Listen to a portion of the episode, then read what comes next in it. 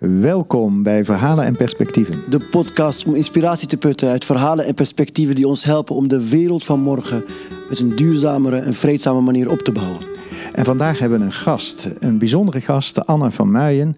En hij neemt ons mee niet alleen naar de Noord-Amerikaanse Indianen en hun wijsheid, maar ook naar het basisinkomen. Een, een nieuwe manier om eh, de welvaart en het, de welvaart te verdelen. En het welzijn te, te vergroten.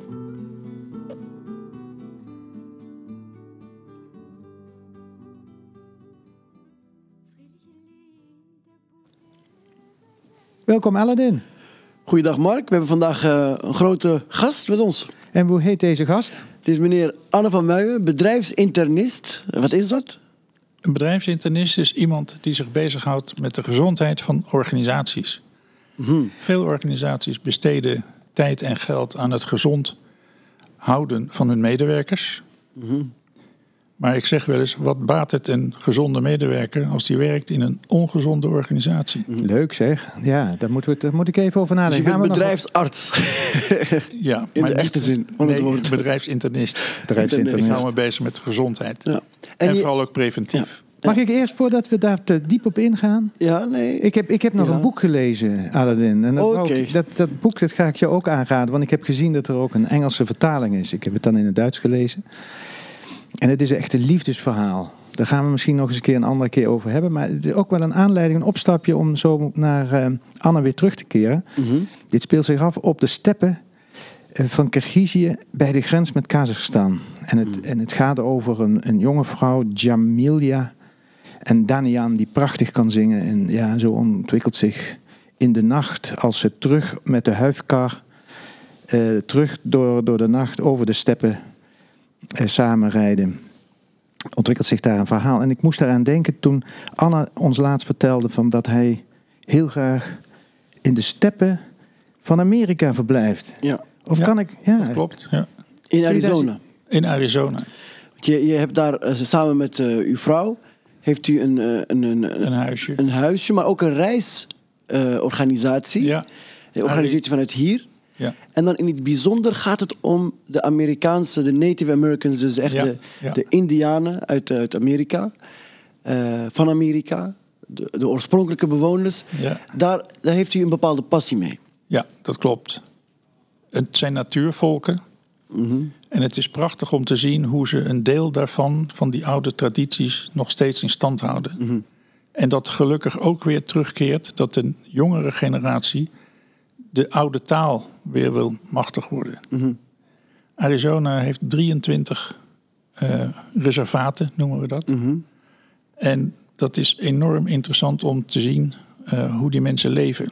Er leven ook heel veel Indianen buiten de reservaten. Mhm. Maar wij vinden het altijd prachtig om de Hopi-reservaten en de Navajo-reservaten te bezoeken. En daar ook eh, ja, contact te hebben met die mensen. Mhm. En in dat verband is het misschien interessant om te beginnen met een wijsheidsgezegde. Ah, dan bent u hier aan Die het juiste adres. die weliswaar niet eh, uit Arizona komt, maar van de Cherokee-Indianen. Cherokee.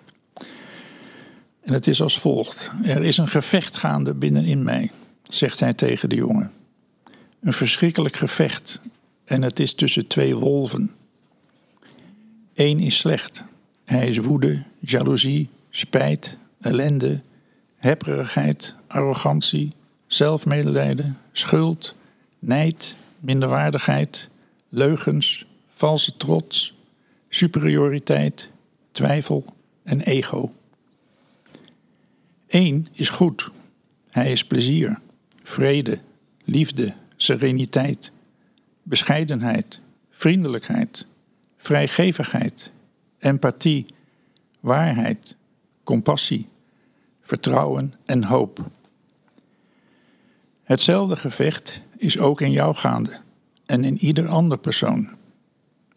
De kleinzoon, waartegen werd gesproken, moest even nadenken en vroeg toen aan zijn grootvader: Welke wolf zal winnen? De oude chief reageerde eenvoudig: Degene die jij voedt. En dat is Mooi. wat ik toepas in het bedrijven van mijn nieuwe passie. voeden van wat ik graag wil bereiken. Dus het voeden van de vriendschap, het voeden van de vrede, het Juist. voeden van de empathie. Ja, Daardoor maak je het groter. juist. En gaat het in jezelf, eh, ja, een groter deel van jezelf uitmaken. Ja. En ook van de gemeenschap waarin je leeft en werkt. Sommigen noemen het ook een universele wet. hè. Dat waar je aandacht aan geeft, groeit. En als je dan ervoor zorgt dat dat steeds positieve elementen zijn, dan help je daarmee de positiviteit in de wereld bevorderen. Ik vind het ook bijzonder dat het van de Cherokees komt. Want ik heb Cherokee Nation, toen ik in Oklahoma was, bezocht. Mooi. En voor het eerst eigenlijk ook de tragische geschiedenis van de Cherokees... eh, van, van hen gehoord. Zeg maar, de verhuizing die ze moesten Ja. doormaken van het, het zuiden van de Appalachen. Een voettocht waar heel veel mensen zijn De long walk. gestorven. De, de Trail of Tears, Ja, de Trail of Tears. Ja. En, en, en, maar ook zij benadrukte toen, toen ik er was, dat, was de, dat ze zo bezig waren met het herstel ook van de taal. Omdat dat ook een, vooral een heel bindende factor is in de gemeenschap. Ja. ja mooi. De- de, eh, ja, ik, ik vind het zo'n mooi verhaal. Ik ben nog eh, in gedachten daar. Maar de, de, de, de Cherokees en de, de, de, de Indiase gemeenschappen, gemeenschappen in de Verenigde Staten, waar u over vertelt, die hebben dus heel veel wijsheid nagelaten. Maar die hadden ook een andere manier van, van levensonderhoud, van, eh, voor, voor elkaar zorgen, ook een economie. was Ja. veel meer in harmonie met de natuur. ja, klopt. Zie je daar nog elementen van terug? Eh, Ja, dat zie je nog steeds. Eh, zeker op de reservaten. Mhm. De natuurvolken delen. Alles wat de aarde geeft, wordt verdeeld onder de mensen. Ze hebben geen inkomen zoals wij dat kennen in het Westen. Ze, om te leven met elkaar doen ze van alles om de samenleving te supporten. En dat doen ze door te delen. Vooral de oudere generaties. Dus het concept van eigendom is daar niet zoals we hier. is er wel, maar niet zo ver doorgevoerd als hier. En het groeistreven, waar wij gebukt onder gaan, dat is daar ook minder aanwezig. Als je kunt bestaan, als je een bestaan hebt, Dan ben je goed. dan gaat het goed. Ja. Maar ik moet ook voorzichtig zijn wanneer ik dit zeg. Want dan heb ik het over de traditionele Indianen. Ja, ja. En er zijn natuurlijk heel veel Indianen verwesterd. Die leven buiten de Reservaten. buiten de reservaten. En die zijn alleen nog van oorsprong India. Overigens heb je daar eh, ook, ook nu, weer, nu de tendens dat de mensen zich ook daar veel meer over kunnen uitspreken. En niet meer verborgen hoeven te houden. Want je hebt ook professoren onder, eh, met, Ja. met Indiaanse afkomst. eh, eh, ook dichters. eh, dat, eh, ehm, Ook Dus- politici. politici en zo. Ja. Ja. En- ja, de Cherokees hadden trouwens ook al hele verre ontwikkelde democratische structuren. Hè. Een groot volk. Toen de blanken met hen in contact kwamen, je zou ook kunnen zeggen, de blanken hebben ook wel van de Cherokees al geleerd.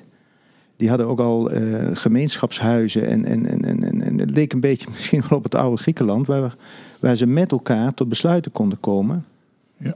Eh, anders wordt het allemaal voorgesteld als van het waren allemaal wilden die op, Oh, dat op de prairie leefden. Maar dat is Nee, natuurlijk niet zijn het grote geval. beschavingen geweest. Ja, zeker. Grote beschavingen. En ook, eh, ook zeker zoals je zegt, de, de grote cirkel die ze hadden. Was, Daar deed iedereen aan mee. En als er besloten werd bijvoorbeeld tot een oorlog.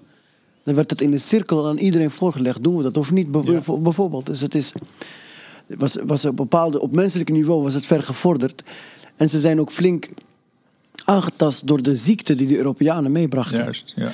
En eigenlijk, eh, ik, ik, las, ik las laatst in een, eh, in een prachtige boek van Tamim Ansari, een historicus, die, die, dat heet The Invention of Yesterday. Ik raad het iedereen aan. Daarin zegt hij dat eigenlijk de allergrootste eh, genocide die ooit heeft plaatsgevonden, dat is wat de, de, de Noord-Amerikaanse, maar ook in de Zuid-Amerikaanse Indianen is, de oorspronkelijke bewoners van Noord- en Zuid-Amerika is aangedaan. En het grootste, het ging om een schatting van 90 m- miljoen mensen die zijn gestorven door een verspreiding van, van, ehm, van, eh, van allerlei virussen. eh, die meekwamen met de zwijnen die op de schepen stonden, eh, zaten van de Spanjaarden onder andere en de Portugezen. Als ik, nee, de Spanjaarden, als ik me niet vergis. 90 miljoen doden. Ja. Doet mij denken aan iets wat ik vorig jaar, dat kan niet, want toen was ik in Nederland. Het jaar daarvoor Door dan, corona. maar het jaar daarvoor een poster zag, eh, die door Indianen op hun bumper eh, sticker was geplakt. En dat was, eh, do you need help tegen terroristen? Doe een beroep op ons. Wij hebben eeuwenlang ervaring. Dat klinkt ook wel een beetje, beetje cynisch. Ja. Het is inderdaad ook cynisch. Ja, ja. Maar het is wat eh Aladdin zegt. Ja, we hebben daar natuurlijk niet ons, eh, van onze beste kant laten zien. Nee. Zeker niet. En het grappige is, want misschien want vandaag heb je ook een perspectief van ons meegenomen over het basisinkomen. Ja. En het grappige is dat wat daar natuurlijk in Amerika is gedaan, heeft alles te maken uiteindelijk met het inkomen. Want eh, de, de Spanjaarden eh, zijn niet zomaar richting eh, de, de huidige Verenigde Staten getrokken. Maar eh, daar is op een gegeven moment zilver en goud ontdekt. Ja. En hebben dus. eh, het is een grappig verhaal, want die, die, die virus van die zwijnen is niet zomaar daarmee gekomen. Dat is gedaan. Die zwijnen gingen het schip op mee. Om te voorkomen dat er misschien anonieme moslims zouden meevaren. Want die waren er nog in Spanje in die tijd. Nog enkele nazaten van de verdreven Moren en moslims. En die zwijnen zijn hun gang gegaan de natuur. En met de tijd heeft dat een gigantische ja, epidemie, een dodelijke epidemie veroorzaakt. Maar Spanje werd er extreem rijk van. Maar werd er te rijk van, waardoor er geen productie meer was. En dat was als een bubbel die ontplofte. En de rijkdom vloeide zo langzaam naar het noorden toe, omdat hier de nijverheid was. Hier werd, de- hier werd, hier werd geproduceerd voor die rijke Zuid-Europeanen. En sindsdien is er, eh, heeft zich een economie ontwikkeld die bestaat. eh, goed, ik, ik, in grote lijnen. Bestaat uit, ehm, uit eh, het belang van, van, van productie, maar ook eh, de, de, de, de, de aandelen. En zijn we in het idee meer en meer gaan geloven dat rijkdom. eh, eh, dat is, dat is, eh, en wie arm is, heeft dat aan zichzelf te wijten. En wie rijk is, ook. En het verhaal van wat u meeneemt van het basisinkomen. eh, is toch, geeft ons daar een ander perspectief over. Jazeker, jazeker. Kun je eens kort uitleggen wat het, wat het eigenlijk is? Daar kom ik straks op. Oké. Ik wil eerst toelichten waarom ik eh, zo gegrepen ben door het onderwerp. En dat ik de laatste tijd me daar eh, heel veel mee bezighoud. En dat heeft te maken met het lezen van een aantal boeken. Het ene boek is Fantoomgroei van Sander Heijnen en Hendrik Noten. En de ondertitel van het boek is Waarom we steeds harder werken voor steeds minder. Er is ook onlangs is een, eh, op de tv een aantal uitzendingen aangewijd aan de scheefgroei. Het andere boek is De Fundamenten van Ramsi Nasser. En de ondertitel daarvan is hoe het politiek-economische systeem de fundamenten van onze samenleving heeft aangetast. Iets waar jij al naar verwijst. Ook een ander boek is De meeste mensen deugen van Rutger Bregman. Onze systemen die zijn nu ingericht op het bestraffen, gevangenissen en wantrouwen, uitkeringen. Die moeten drastisch worden herzien. En het boek Samenrijk, het meest recente boek van Koen Bruning. Hoe het basisinkomen Nederland een toekomst geeft.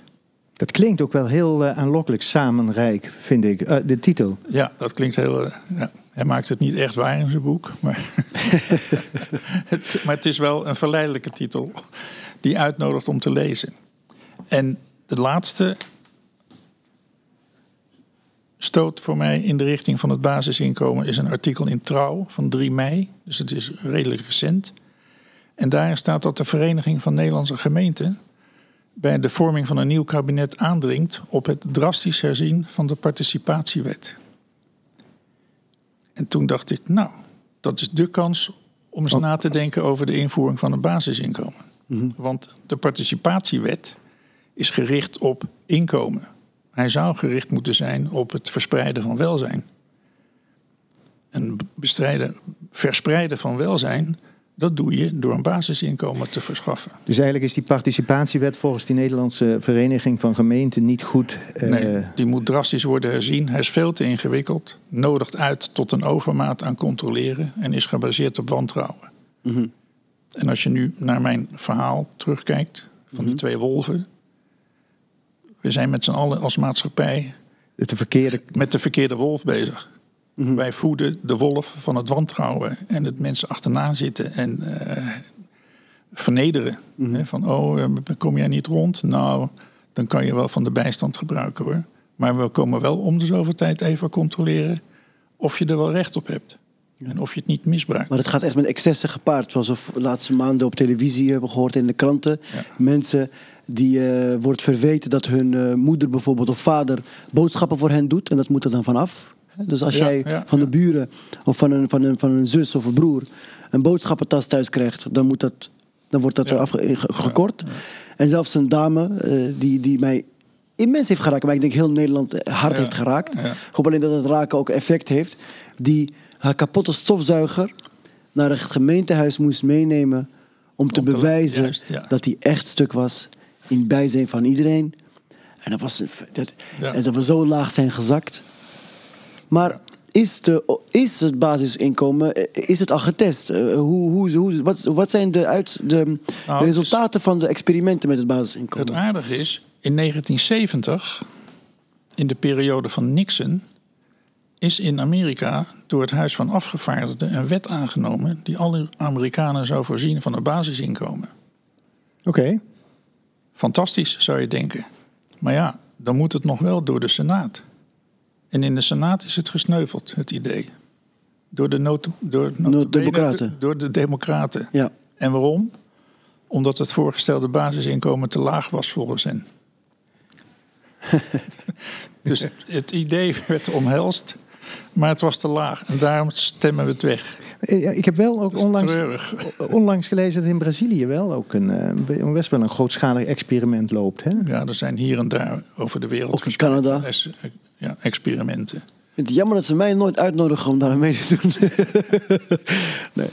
nee, maar ehm, dat, en dat werkt. Wat is het resultaat daarvan? Eh, gaan mensen Ze dus... hebben wa- het niet gedaan. Nee, Maar het resultaat wat wordt voorspeld, eh, Mhm. want waarom zou je naar een basisinkomen moeten streven? Wat Mhm. is het effect ervan? Minder sociale ongelijkheid, ja. minder armoede.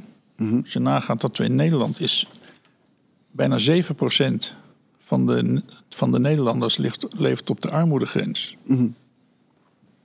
Dus als je daar wat aan kan doen, dan is dat enorm. hè. 315.000 kinderen, je kan het je niet voorstellen, die de basale dingen niet krijgen waar ze recht op hebben. Mhm. Minder armoede, zeg ik al. Minder kindersterfte. Mhm. Lagere gezondheidskosten. Want het is bekend dat mensen die worstelen met hun bestaan, Ook eh, ongezonder leven. ongezonder leven, ongezonder eten, eh, uitstel naar de dokter gaan. Ja. Dus als men gaat, is het meestal al een stadium te ver. Minder criminaliteit ook. Mhm. Vanzelfsprekend. Betere schoolresultaten. Dus Natuurlijk. beter kunnen deelnemen aan een sociaal samenleving. Ja. Dat is allemaal het gevolg van eh, basisinkomen. Maar waarom we daar niet aan willen, ja, dan worden de mensen lui, wordt dan gezegd. Hè? Het CPB, het Centraal Planbureau, heeft eh, ook een initiatief bekeken en gezegd van ja, maar dan, eh, dan neemt de welvaart af. Dan zeg ik nou, dat is fantastisch. Als daarmee het welzijn, Welzijn omhoog. als daarmee het welzijn toeneemt. Hè, want waartoe zijn we op aarde? Om een zo hoog mogelijke welvaart te bereiken? Ik- Nee, wat mij betreft. nee. Werken aan het welzijn van iedereen. maar nog altijd met een kritische blik op zo'n basisinkomen. Is natuurlijk wordt gezegd van ja, we hebben een, een, eh, eh, een industrie en een groot deel van onze economie bestaat gewoon uit rotbanen. Uit eh, bullshit jobs, zoals de Amerikaanse ja, ja, ja, econoom het zei.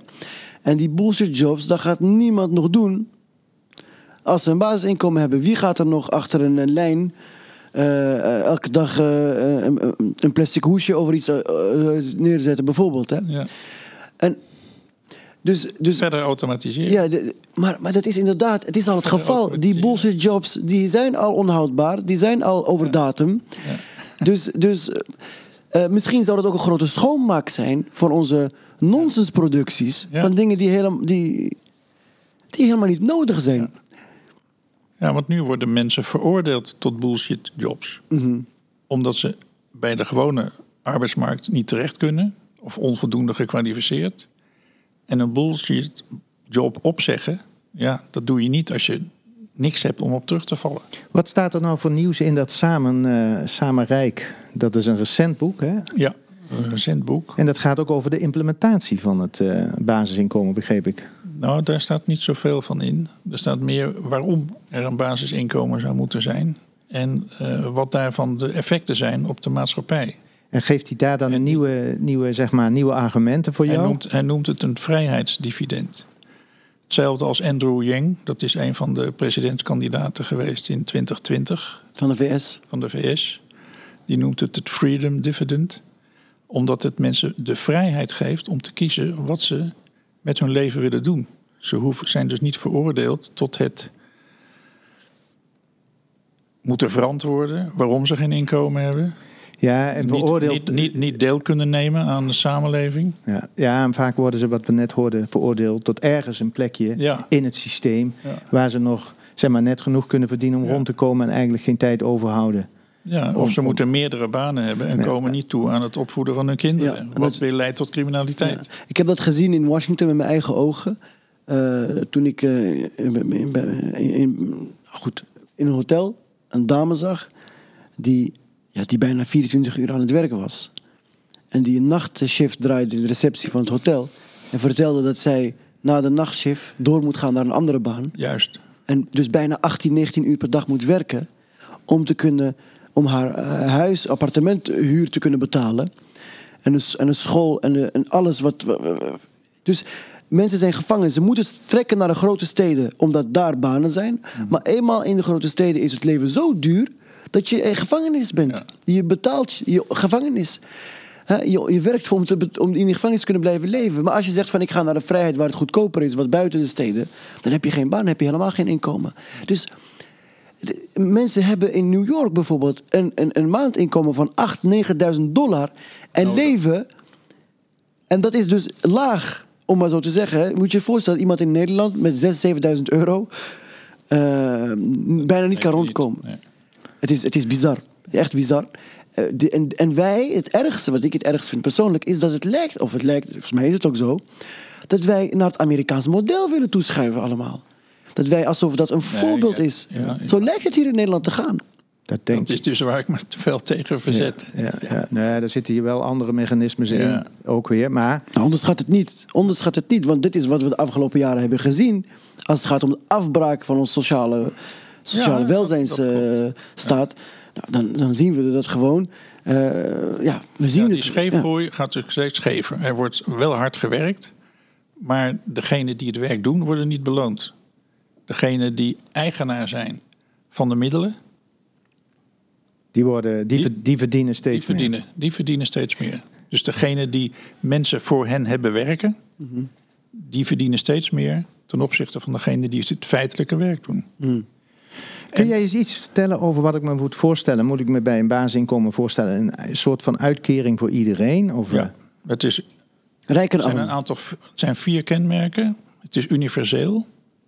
Dus voor iedereen? In Europa is er op het ogenblik een burgerinitiatief aan de gang, waar mensen kunnen intekenen om adhesie te betuigen voor het idee basisinkomen. Basisinkomen.nl. Kijk daar vanavond naar en teken even mee. Universeel voor iedereen. Er vindt geen toetsing plaats. Er is geen werkprestatie, wordt er verlangd. En het is hoog genoeg om van te leven. Dan zegt iedereen, ja, maar hoe is dat wel betaalbaar, et cetera, et cetera. Het, de argumenten om hier moeilijk over te doen zijn legio.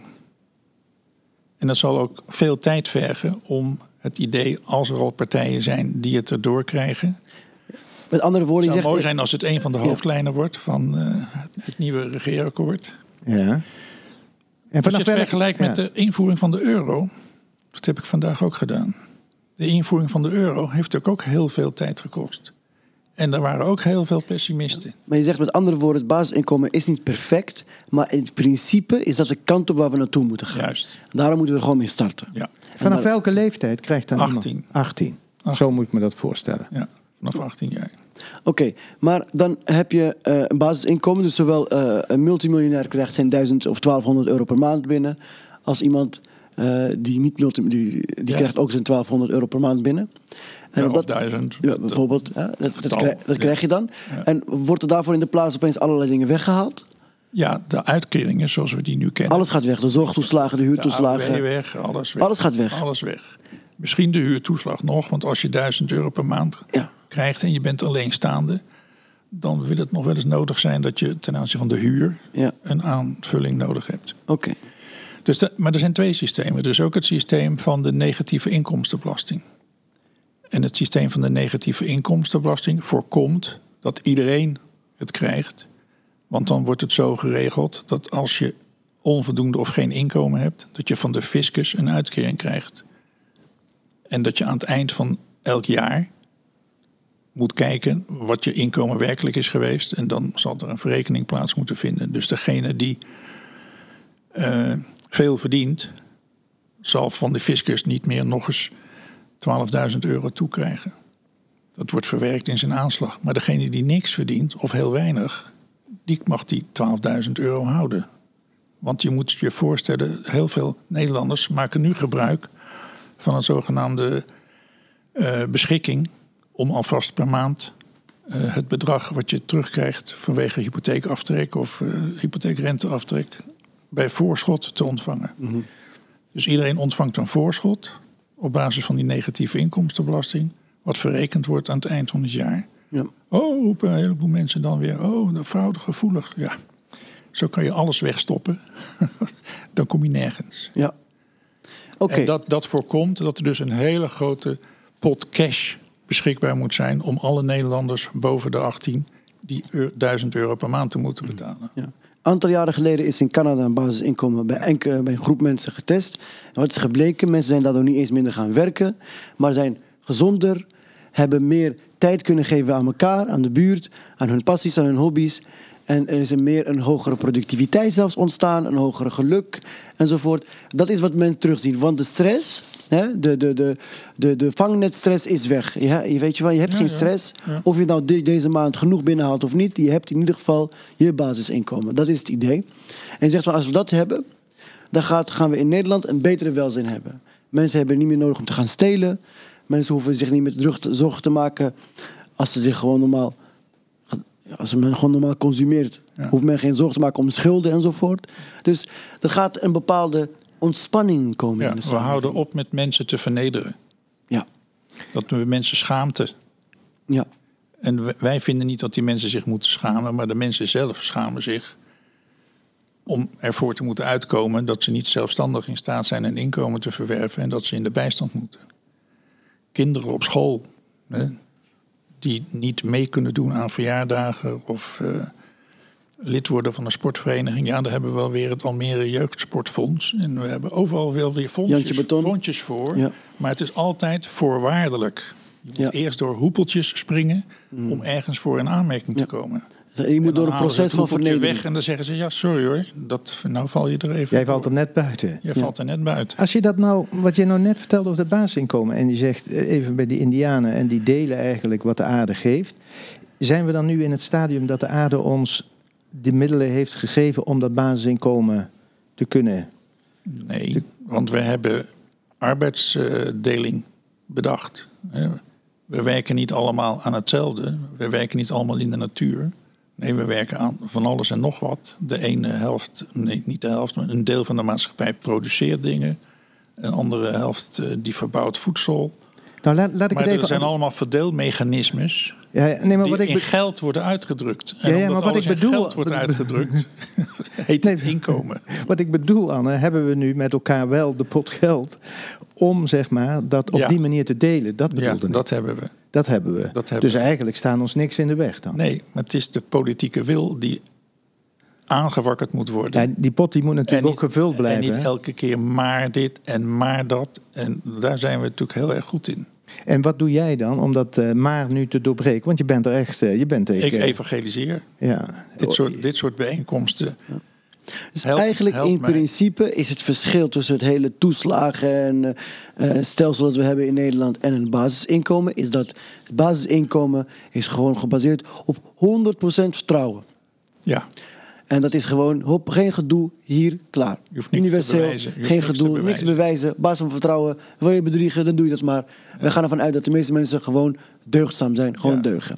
En het huidige systeem zegt nee, de mens is, want, is te wantrouwen, is onbetrouwbaar. En dus zijn we vaak meer geld kwijt Juist. aan het onderhouden van een controle op een wantrouwend systeem. Ja. Die, en dat geld kun je gewoon beter besteden aan 100% vertrouwen. En dan hoort daar een beetje bedrog bij. En dan is dat maar zo. Ja. Want dit weegt niet op tegen het vertrouwen dat je hebt. En de welzijn die dat verspreidt in de samenleving. Dus het is eigenlijk ook een principiële keuze. Waar staan we voor als Nederland? Ja, dat Ja. is het. En is dat dan niet ten opzichte van de rest van de wereld? Want dat kunnen we dan in Europa heel mooi doen.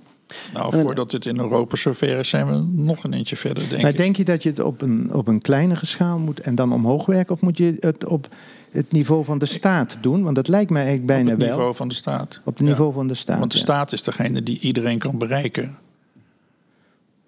Dus voor, voor, En de ambtenaren die niet meer nodig zijn hè, voor al die controles, Mhm. die kunnen gebruikt worden om zich werkelijk in te zetten voor het welzijn van de burger.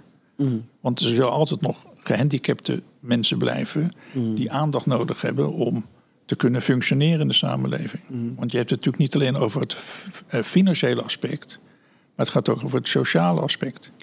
Dus eigenlijk wat ik hier zie, wat ik hier aanvoel komen, is maar, je ziet van er gaat, er gaat een shift ontstaan. Waarbij de aandacht wordt gelegd op hoe kun je als samenleving de mens een aangename, fijne, waardige tijd kunnen geven op, de, op aarde. Dat is eigenlijk waar het op neerkomt. Voor elkaar zorgen. Daarom past het ook zo goed in de doelstelling van het Huis van Vrede.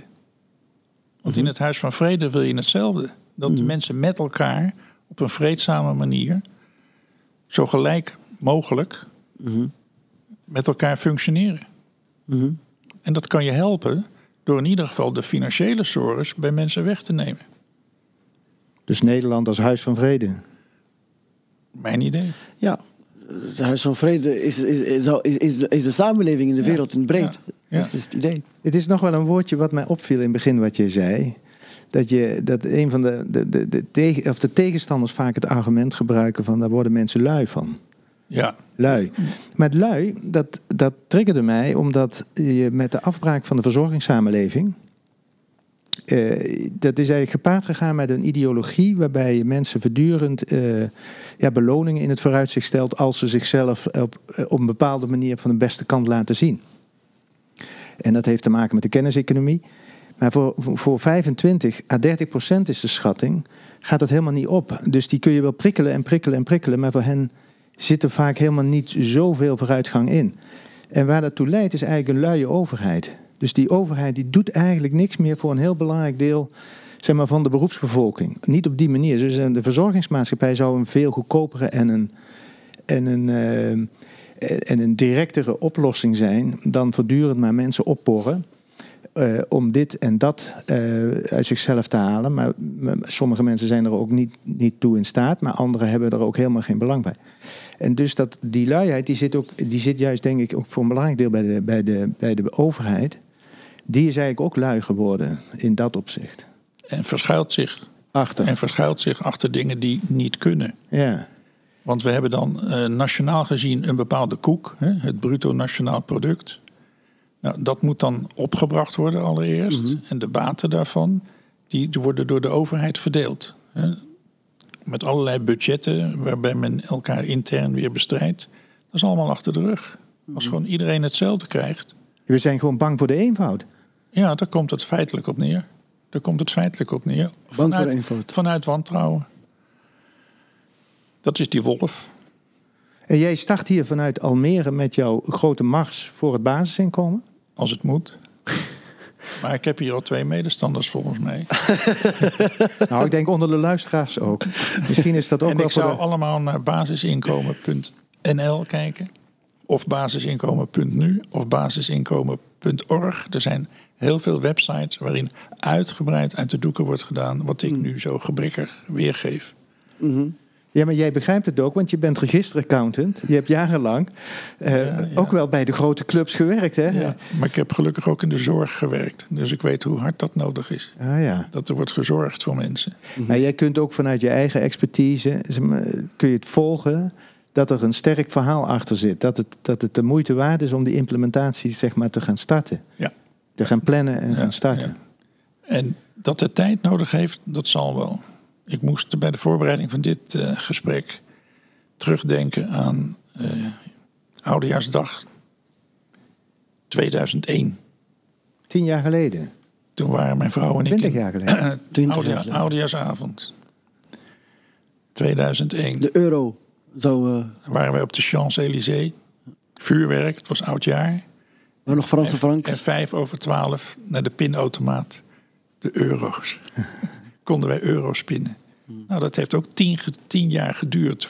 Tussen besluit in Maastricht, Elf jaar. eh, eh, het verdrag in Maastricht, tot en met de feitelijke invoering. Ja. Dit zal ook tijd kosten, maar er moet een besluit vallen. En dan moeten mensen rijp zijn. En er zijn gelukkig een aantal politieke partijen, ook in Nederland. Maar er gaan ook heel veel die- mensen op die- achteruit. Hè? Die, met, die, met, die, met die basisinkomen. Want mensen die bijvoorbeeld vier kinderen hebben, krijgen geen kinderbijslag meer. Krijgen ja, geen... wel. wel. Oké. Die Als ze kinderen van 18 jaar hebben, krijgt hij ook nog eh duizend. Oké. Maar kinderbijslag blijft. Want dan heb je nog... Oké, Kinderbijslag blijft. dus heel veel mensen gaan nu de petitie wel tekenen waarschijnlijk. maar oké. De AOW wordt afgeschaft. De AOW wordt afgeschaft. Ja, waarom? Dat was dat basisinkomen. Ja. Ja. En dat ligt nu ongeveer op hetzelfde niveau. Dus die AOW'ers die, eh, die gaan er ook niet onder lijden. Ik ben wel benieuwd. Ik zou, weet je, al proberen we het in een jaar, bijvoorbeeld. En dan gaan we zien dat er veel meer schilders in Nederland blijken te zijn. We gaan veel meer Mondriaans en Vermeers tegenkomen. Nou, er is in Ja. Amsterdam nu een groep... die heeft eh, met elkaar 40.000 euro in een potje gelegd. Mhm. En die zijn nu op zoek naar vijf Slachtoffers die naar een vijf, basis... naar vijf mensen die acht maanden lang 1000 euro krijgen. Als je doorrekent is dat ook 40.000 euro. Ja. Die kunnen ze niet vinden. Want? Want er zijn allerlei regels in dit land. Als je mensen 1000 euro geeft, dan moeten ze schenkbelasting betalen. Schenkgeld.